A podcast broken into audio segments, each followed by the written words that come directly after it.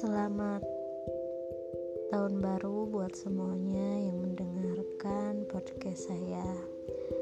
Di tahun ini kita awali semuanya dengan hal-hal yang positif, hal-hal yang membuat kita bahagia dan hal-hal yang bisa membuat kita lebih rileks apa pun yang terjadi pada tahun 2020 semoga menjadi pembelajaran untuk kita semua dan juga untuk tahun ini semoga kita lebih baik dari sebelumnya.